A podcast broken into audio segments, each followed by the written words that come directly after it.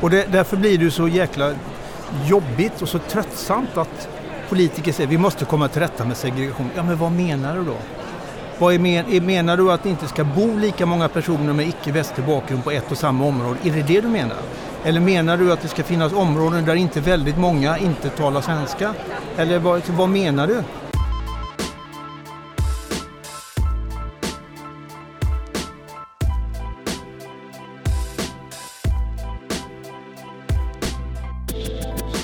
Ni har säkert hört det på nyheterna.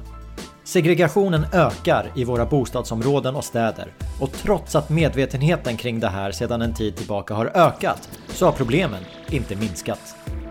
I debatten hörs en del förslag på åtgärder, men är de rätt? Och är det tillräckligt? Min nästa gäst är forskare vid Göteborgs universitet och är väl insatt i ämnet. Låt mig presentera Peter Esaiasson. Varmt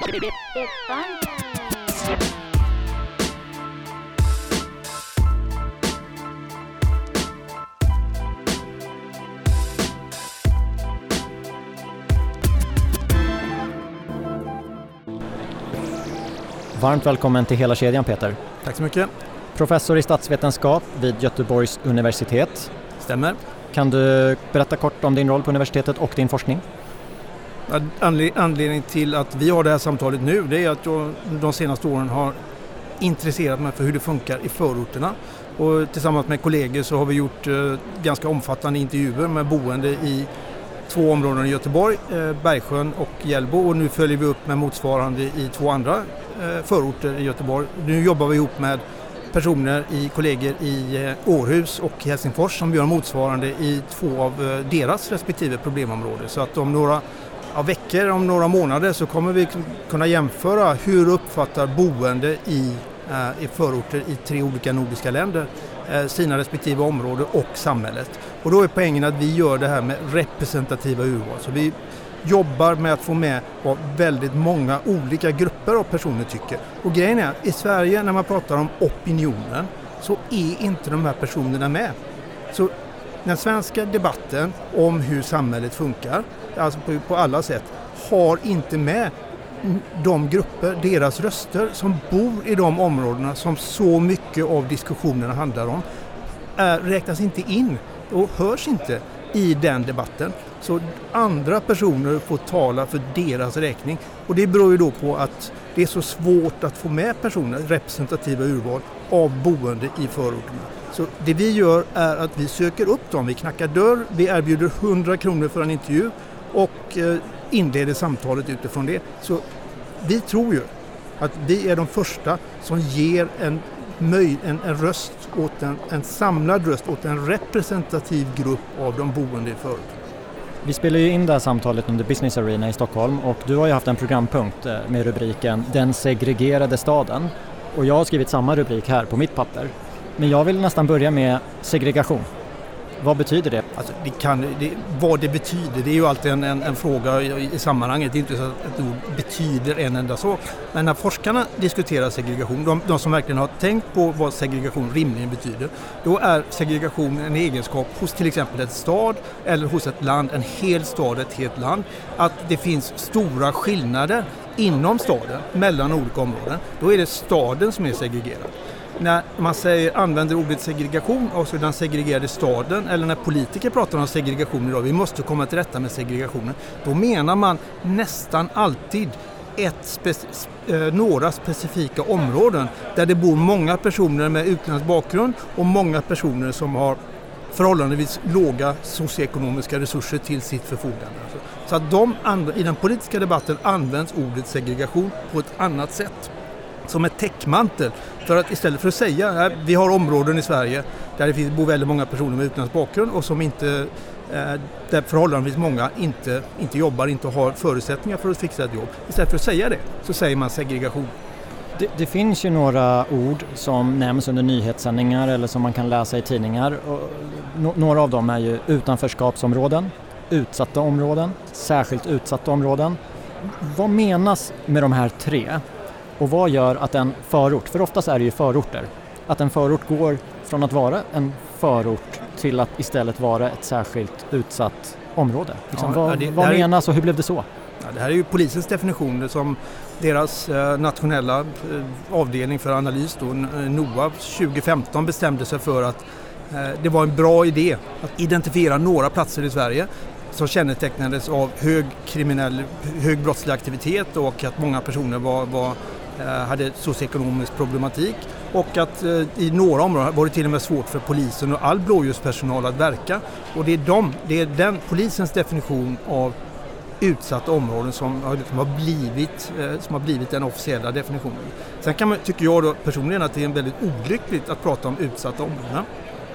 Det är mycket bättre att använda ett, ett ord som förort för att fånga in det. För ingen människa vill bo i ett utsatt område. Alltså människor är stolta över sina områden. Eh, också de som bor i förorten, de är jättestolta. Alltså. De allra flesta tycker att fan, det är ju jättebra här. Och så kommer någon annan och säger att eh, det här området är utsatt. Nej, vi, vill inte, vi bor inte i utsatt område. Så det är i sig stigmatiserande då, på ett, eh, på ett dåligt sätt att, att prata om utsatt område, tycker jag då. Men är det den bilden ni får? För jag har en egen historia av mm. det där 2002 när det var Uppdrag granskning som spelade in i smyg i valstugorna. Mm. Och då pratade de med Solna-politiker. Mm. Och så ställde den här reportern frågan, ja, men jag vill flytta till Solna men jag, jag gillar inte dåliga områden, vad ska jag undvika? Mm. Och då nämnde ju de det området där jag bodde. Och det var första gången jag hörde någon säga så om mitt område. Jag upplevde inte det området som, nu sa de ju inte utsatt eller särskilt utsatt, men de sa att det var dåligt. När ni pratar med människor som bor i de här förorterna eller områdena som NOA definierar som utsatta, särskilt utsatta, Vet de om, eller känner de samma sak? Ja, det är en intressant sak du pekar på. De allra flesta vet ju om det. Det finns nästan... Då, är man inne i samhället så vet man att alla, nästan alla andra i Göteborg tycker att Hammarkullen, Hjällbo, Bergsjön, eh, Lövgärdet, eh, Biskopsgården är dåliga ställen. Så vi ställer precis den frågan. Eh, vad tror du att andra människor i Göteborg tycker om ditt område? Alla som är som sagt inne i samhället. De vet om, nej men de tycker att eh, vårt, mitt område är kast. De har en dålig bild. Sen, det, för oss är det nästan ännu intressantare att det finns en betydande grupp personer som inte vet om det. Och den är intressant. Därför att de, de vill kanske inte ta in det, det som är sant. Att det, är, det, det är ju så att väldigt många tycker att de här områdena är, är kassa, är dåliga. Man vill absolut inte bo där. Och att hur man kan leva i det här området och inte fatta det. Det är en, är en gåta i sig. Det här är en plåga för nästan alla personer, för de som vet om det. De gillar sitt område. Väldigt många gillar sitt område. Och de lider av att andra människor stigmatiserar det och tycker det är kast. Alltså. Så det här är ett av många problem som finns med förorterna. Just det här stigmat som, som är fäst eh, kring området. Men vilket område var det då? För det var intressant. Bagartorp i Solna. Miljonprogram, fem höghus och så massa låga lamellhus, tre ja. våningar. Höghusen har 13 våningar. Det låter inte som ett problemområde direkt. Alltså jag tyckte det var ett fantastiskt område. Det, var en, liksom, det heter Bagartorpsringen så det var, vägen gick ju runt och ja. inom den här ringleden då ja. så hade vi skola, vi hade matbutik, vi hade massa ytor att, att hänga på. Mm. Och jag var 15 när jag såg det här på TV och jag kände inte mm. alls igen mm. Eh, bilden. Så mm. Det var intressant att höra ja. vad de som bor i särskilt utsatta områden mm tycker statistiskt. Ja. Det säger vi något. Det här, vi pratar ju om ett av problemen med, med förorterna är att svensksvenskarna vill inte bo där.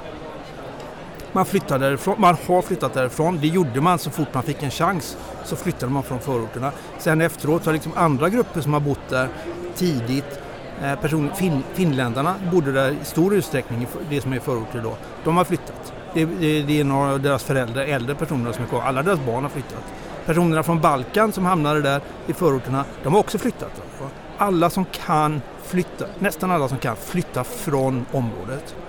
Och det är ju också en signal, inklusive svensksvenskarna. Den här Solna-politikern, alltså, ja, han får väl ändå kanske placeras i åtminstone kulturfientlighetsfacket. Alltså. Det... Ja men det där du nämner med att svenskarna flyttar, eh, det var ju så i Bagartorp. Mm. Det var bara, jag hade inte noterat det. Ja. Sen när jag började tänka på det var det mm. så här, ja det, det stämmer ju.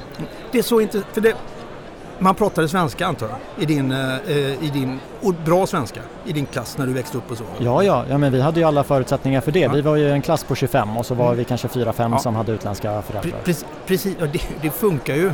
Då är det ju inga problem. Det är ju när inte svenskan är majoritetsspråket, när inte, man inte hör, inte badar i svenska. Det är då det blir problem och där är förorterna idag. Jag har pratat med lärare som jobbar på, i, i det här fallet i Hjällbo då, på 80 och 90-talet. De tänkte inte på folk bakgrund. Alltså det var många finländska barn, det var chilenska barn, det dök upp barn från, från eh, eh, Iran, Irak. Inga problem, för alla pratade svenska. Men någon gång på 90-talet så svängde det där.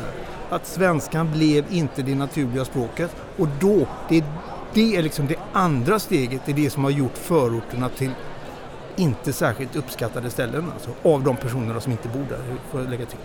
Men om man tar utanförskapsområden, eller utsatta områden, alltså hur, hur många människor är det som bor i sådana områden ungefär? Om att de områden som polisen pickar ut, det är ju 60 områden i Sverige. Där bor ungefär knappt 600 000 personer. Men det är mycket. In, ingen vet riktigt hur många det är för att det finns ju problem med, med andrahandsuthyrning och felaktig folkbokföring och den, den, den, är ju särskilt stor då i, i förorterna och ingen kan riktigt säga hur, vanlig, hur, hur, hur många det är. Men någonstans mellan 550 och 600 000 personer. Det var ju högre än vad jag trodde. Är det spritt geografiskt? Ja, i Sverige upp till och med eh, Borlänge. finns inget norr om, om Borlänge. Och det är också en, en jäkla intressant fråga. Där borde man ju göra mycket mer om man nu håller på och är intresserad av att bygga samhällen. Studera, titta på, följa områden, intressera sig för områden där det bor väldigt många personer med utländsk bakgrund. Miljonprogramsområden är det ju alltid då. Eh, och nästan alltid. Och eh, se, va, va, hur funkar det där då? Är vi, på väg, är, är vi på väg mot att bli den här parallellsamhällesstrukturen där man inte samarbetar polisen, inte för att man inte vill, för att man inte, för att man inte vågar. Eller lyckas man ändå liksom hålla, hålla ihop samhället, området så att det fungerar som resten av Sverige? Det är liksom för att inte situationen ska förvärras. Det vore väldigt angeläget. Alltså det finns några sådana. Det finns något område i Sundsvall precis som kanske är på väg att tippa över. Det finns områden i nästan alla större, något sådana här stora städer. Men i Norrland har de alltså klarat att hålla sig på rätt sida av, av, av gränsen än så länge. Och jag bara hoppas att man fortsätter att göra det och man behöver ju följa det noggrant. Ja, men i den utvecklingen, hur stor roll spelar bebyggelsen? Om man menar om det är låghus eller höghus så tror jag det är väldigt liten betydelse. Men det, arkitekter älskar ju att säga det, så att man kan bygga bort. Om vi bara hade lite trevligare miljöer så skulle eh, områdena funka bättre det finns väldigt lite belägg för det. Och det, att det inte finns evidens för någonting betyder inte i sig att det inte är sant. Men de som har försökt titta på det och se, liksom, verkligen undersöka hur det, eh, hur det ser ut, då, de hittar väldigt få belägg för att om man gör ett område liksom attraktivare rent bebyggelsemässigt, att det då liksom ändrar människors beteende i någon större utsträckning. Det, det gör inte det. Dessutom, väldigt många förorter, alla förorter nästan, har kvaliteter. Alltså. Attraktiv, det finns, det finns väldigt fina saker med de flesta områden. Vi har inte särskilt många slumvärdar i Sverige heller utan det är hyfsad standard på bostäderna. Det är inte de fysiska förutsättningarna som är problemet, det är andra saker som är problemet. Jag tycker inte man, arkitekterna ska komma undan med att säga att vi kan bygga bort det här, för det kan man inte. Vi ska komma in på det, men först ska jag testa ett påstående. Alla utsatta områden är miljonprogram, men alla miljonprogram är inte utsatta områden. Ja, eh, det är nästan rätt. Alltså. Det, det, finns ju några områden. Eh, Biskopsgården i, delar av Biskopsgården i Göteborg till exempel, det är inte ett miljonprogramsområde utan det är byggdes på 50-talet. Och där finns det sådana fina gårdar och, eh, med, med och, tre och fyravåningshus och så. Och tre och fyravåningshus finns det också i, i väldigt många områden runt om i Sverige. Men det är just det, alla områden blir inte till problemområden i den här, i den här meningen. Och det, det är en viktig fråga att ta reda på varför egentligen. Ja, det är det jag tänker för om, om 59 av 60 utsatta områden är miljonprogram. Då 58 är, tror jag. 58, och då är det ju lätt att dra den slutsatsen att hmm, det är någonting i den ja. fysiska bebyggelsen. Mm. Absolut. Men då gör man ju fel analys. Man gör ingen det, det, är också det, det, är så störigt att man inte är tydlig med vad man menar. Vad, vad är problemet? Och, och man verkligen försöker nita dit problemet. Det här är en analys av vad som är, min analys av vad som är problemet. Det behöver inte vara originellt på något sätt, men det är ändå min analys. Det som skiljer förorterna från andra fungerande områden i Sverige, och det är det första man måste säga, de funger, områdena fungerar sämre än andra områden i Sverige. Det som, är, det som skiljer dem från andra områden, det som gör att de, en viktig sak för att de fungerar sämre, är att våld är en möjlig konfliktlösningsmekanism. Och det betyder att våldskapital är en någonting användbart i sociala sammanhang. Alltså att en person har ett kapital, att man med våld kan tvinga igenom sin vilja, det gör den personen det är en positiv egenskap i området för hur den personen blir behandlad av andra. Så är det inte i välfungerande områden. Det kan vara en liten pikant detalj att någon person är, är, är bra på att slåss eller MMA-mästare eller något sånt där. Men det är ju inte den, den egenskapen gör inte personen särskilt farlig eller särskilt intressant på något annat än eh, pikant sätt. I förorterna blir man intressant, blir man viktig därför att man har det här våldskapitalet. Och innan man kommer till rätta med det så finns det noll chans att få området att funka bättre. Ja men då vet vi att det är ju en förutsättning för att området ska bli som det blir. Och den fysiska bebyggelsen, den spelar inte så stor roll i det här. Men det finns ju andra saker. Ett område, det kan ju finnas, ja, men vad finns det för olika service? Man, man snackar om föreningsliv, man mm. snackar om näringsliv, man, man, pratar om skolor. Men sen pratar man ju också om eh, vad det är för bostadstyper. Mm. Därför att ja, men om det är ett område med bara hyresrätter, spelar det någon roll? Eller om det är blandad bebyggelse som ofta lyfts fram nu i hållbarhetens mm. namn, att vi ska bygga lite bostadsrätter, lite hyresrätter, lite ettor, tvåor, treor, mm. fyror, femmor. Spelar det någon roll? Ja, det, teoretiskt så bör du göra det. Och det, idén om att man som hyresgäst ska, kan, ska kunna göra en, en, eh, en resa, liksom att skaffa sig successivt bättre, mer, bättre bostäder. Det är en jättebra idé teoretiskt.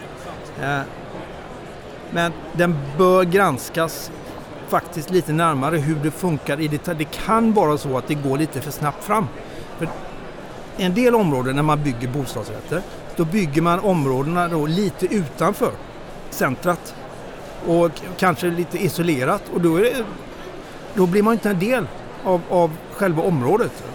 Det kan se bra ut statistiskt att nu bor det en massa människor här med, med högre inkomst och så men man bor ju inte i området. Man har sin egen ingång, man handlar på ICA någon annanstans. Man, eh, på torget går man inte ner. Och då är det ingen hjälp. En annan sak som händer när man bygger bostadsrätter, nya bostadsrätter, risk är att fel personer köper dem. Det kan vara personer med som inte är de här skötsamma personerna som, som utan det, det kan vara kriminella typer gangsterpengar som ligger bakom. Och om man bara tittar på det jag själv har sett, hur det funkar i åtminstone Hammarkullen. Alltså att de personerna som bor, faktiskt bor, där man har byggt två fina, jättefina hus som är bostadsrätter de bostadsrättsföreningarna funkar inte så jäkla bra därför att det är väldigt få personer som engagerar sig. Man är inte riktigt med på hur man ska, på hur man ska sköta en bostadsrättsförening, vad det innebär.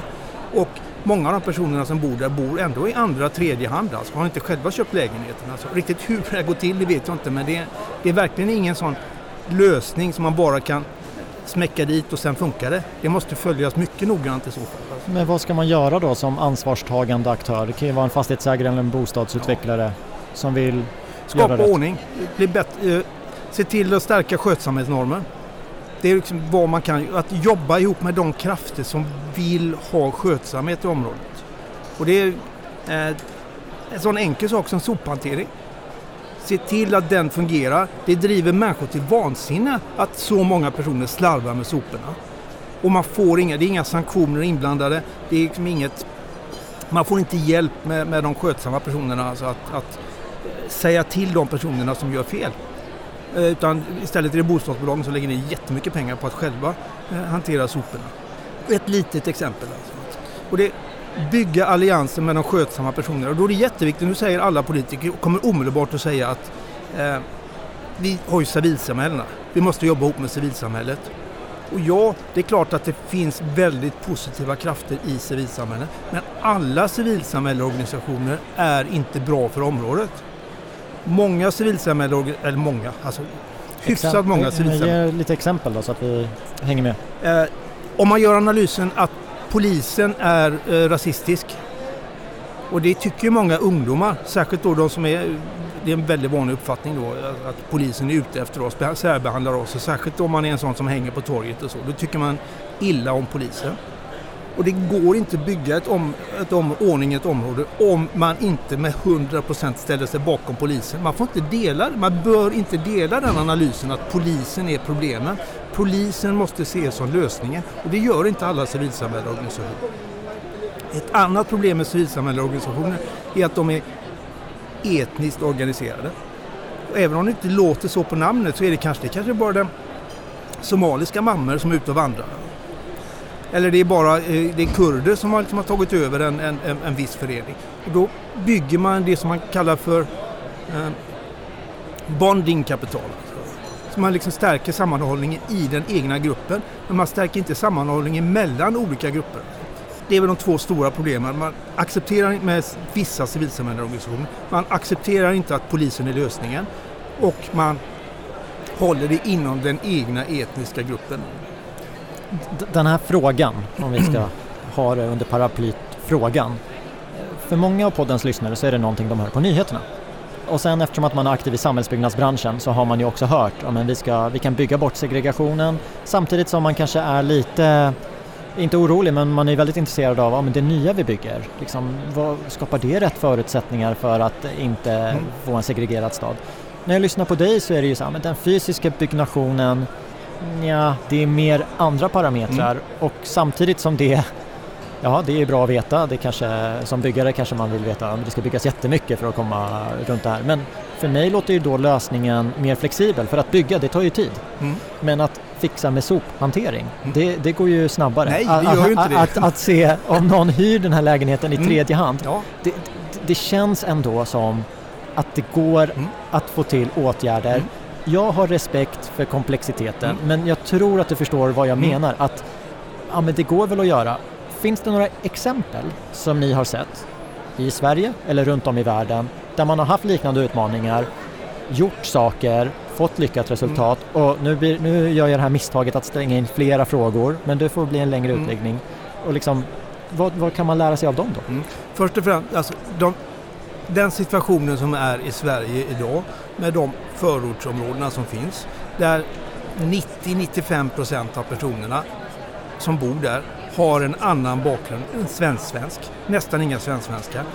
Och det är inte så att man kommer från en etnisk grupp utan det är från flera etniska grupper. Och då man möter ett välfärdssamhälle som, har, som bygger på förtroende mellan, och som inte, som inte är van vid att sätta gränser, som inte är bra på att sätta gränser, som liksom har, bygger på idén man ska inte behöva sätta gränser. De gränserna sätter folk bäst själv. Den situationen, mellan, möte mellan de institutionerna och den gruppen av personer som bor där, det finns ingen annanstans i världen. Det är, det är helt nytt i mänsklighetens historia att man har det. Så Sverige Eh, man tittar på Danmark, men Danmark har inte samma grad av problem. Därför kommer det bli jätteintressant när vi får våra jämförelser med de danska förorterna nu, alltså hur människor som bor där, hur de uppfattar sitt område. Så att det finns inga riktigt jämförbara situationer med Sverige och något annat land det man brukar göra, de, som är, de exempel som har gått bäst, det är ju när man gentrifierar. Det som man kallar för gentrifiera. Då, det man gör då är ju egentligen att byta ut vilka människor som bor där.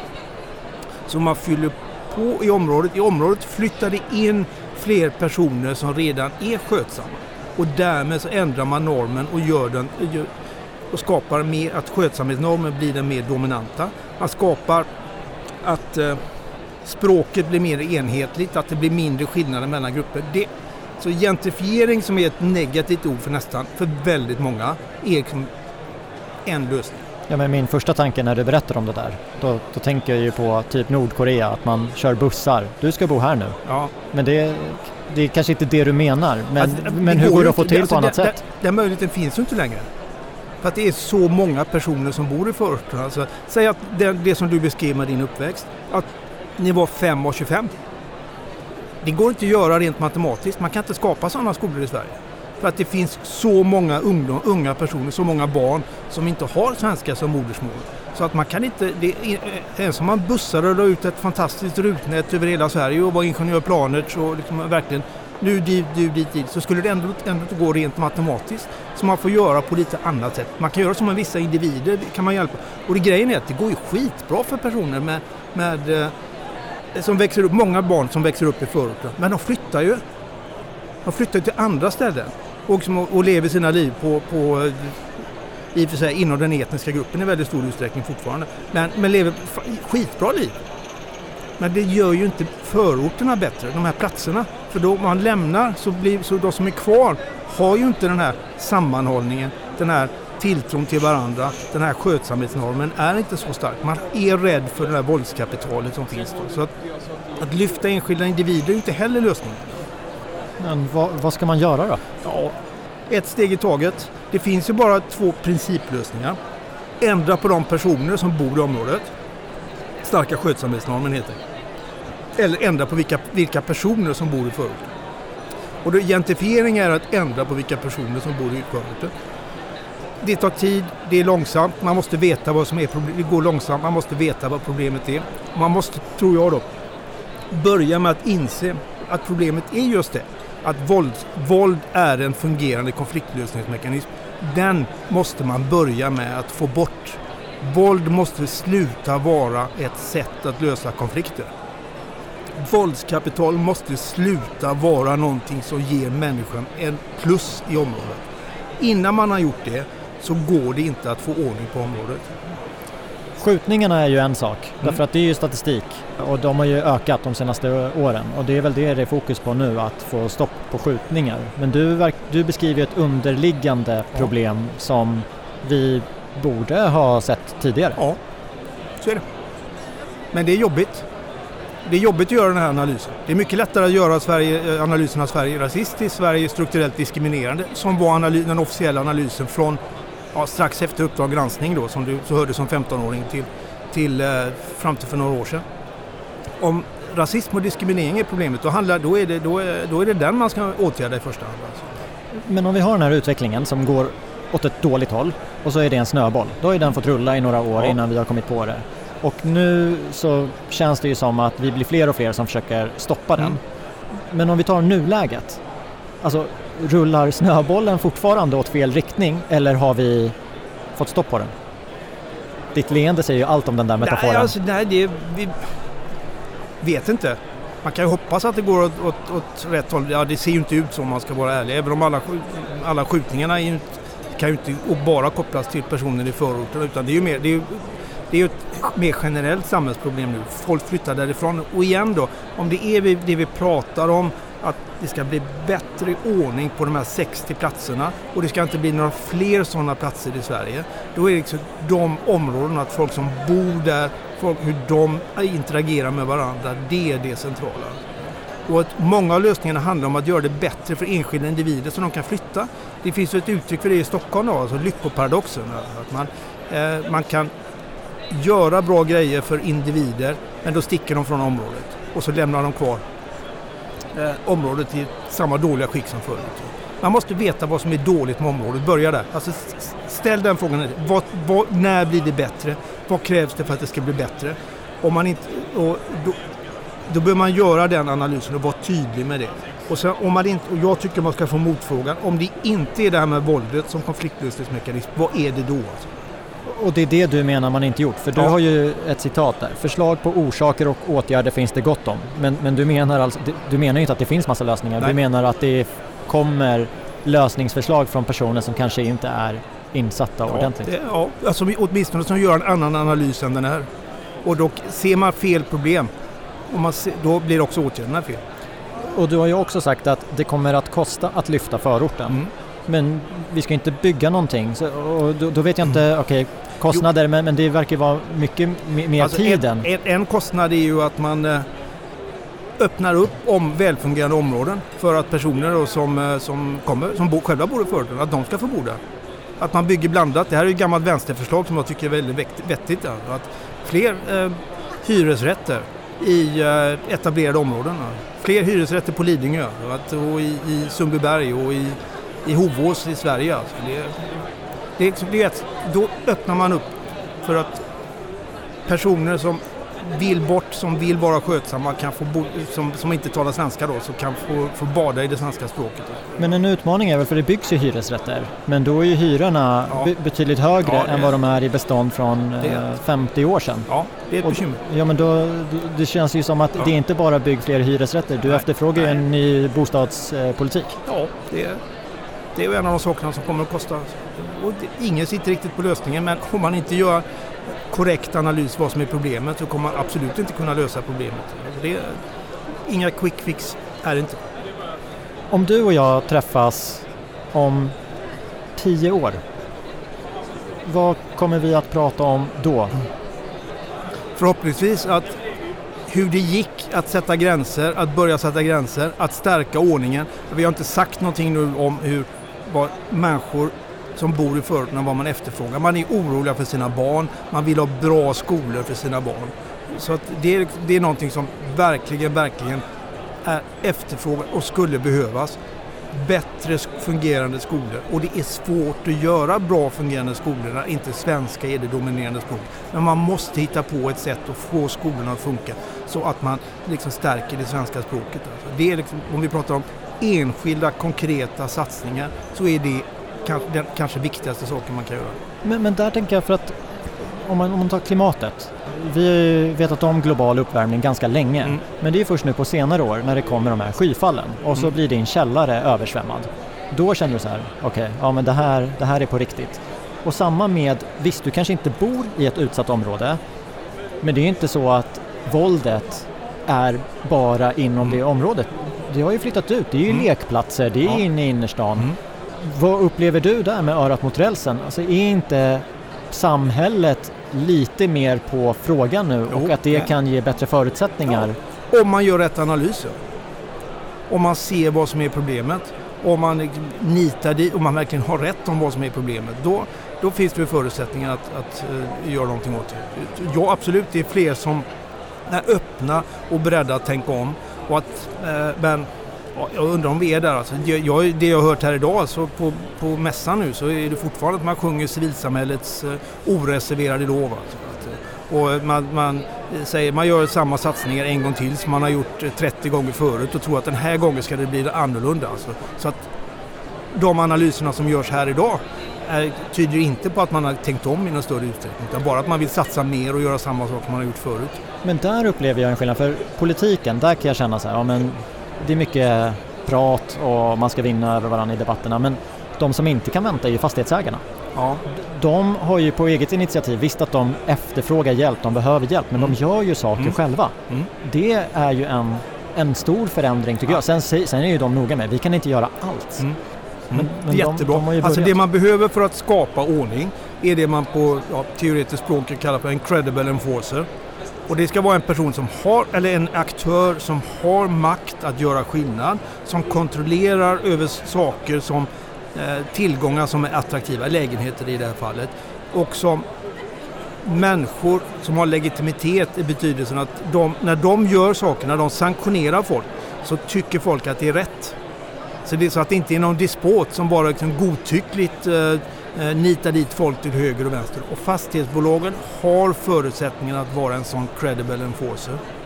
Och det måste man då, och tillsammans med polisen, det är liksom de två enskilt mest positiva krafterna. Men sen ja, så tillkommer ju skolan också, att den, skolorna, så att de måste liksom Ja, fastighet, fastighetsägarna behöver ju hjälp. De har ju sagt att det är lättare att vräka någon som har haft en hemmafest ja. än någon som har ett vapenlager. Ja, ja det, är helt, det, det, det är makabert. Men, men bara att de har kommit till den insikten visar mm. ju att de är, mm. alltså, krisinsikten Absolut. finns där och de vill göra någonting. Ja, man är på väg mot att anamma rollen som credible enforcer och det är välkommet. Du, jag vill eh, tacka dig för att du gästade hela kedjan. Det är ju en stor fråga, svår att göra den rättvisa på strax över 30 minuter. Men lärorikt att prata med dig. När, när släpps eh, rapporten? Alltså vi håller precis på att samla in data just nu så att det, det, kommer ta lite tid men förhoppningsvis kommer det någonting under hösten alltså, när vi kan jämföra då med, med ja, danskar i förorterna med svenskar i förorter och Helsingforsbor i förorterna. Att hur man ser på världen och hur, på hur man ser på sitt område. Förhoppningsvis sent under hösten. Då håller jag utkik och sprider via poddens sociala kanaler. Tack Peter. Tack.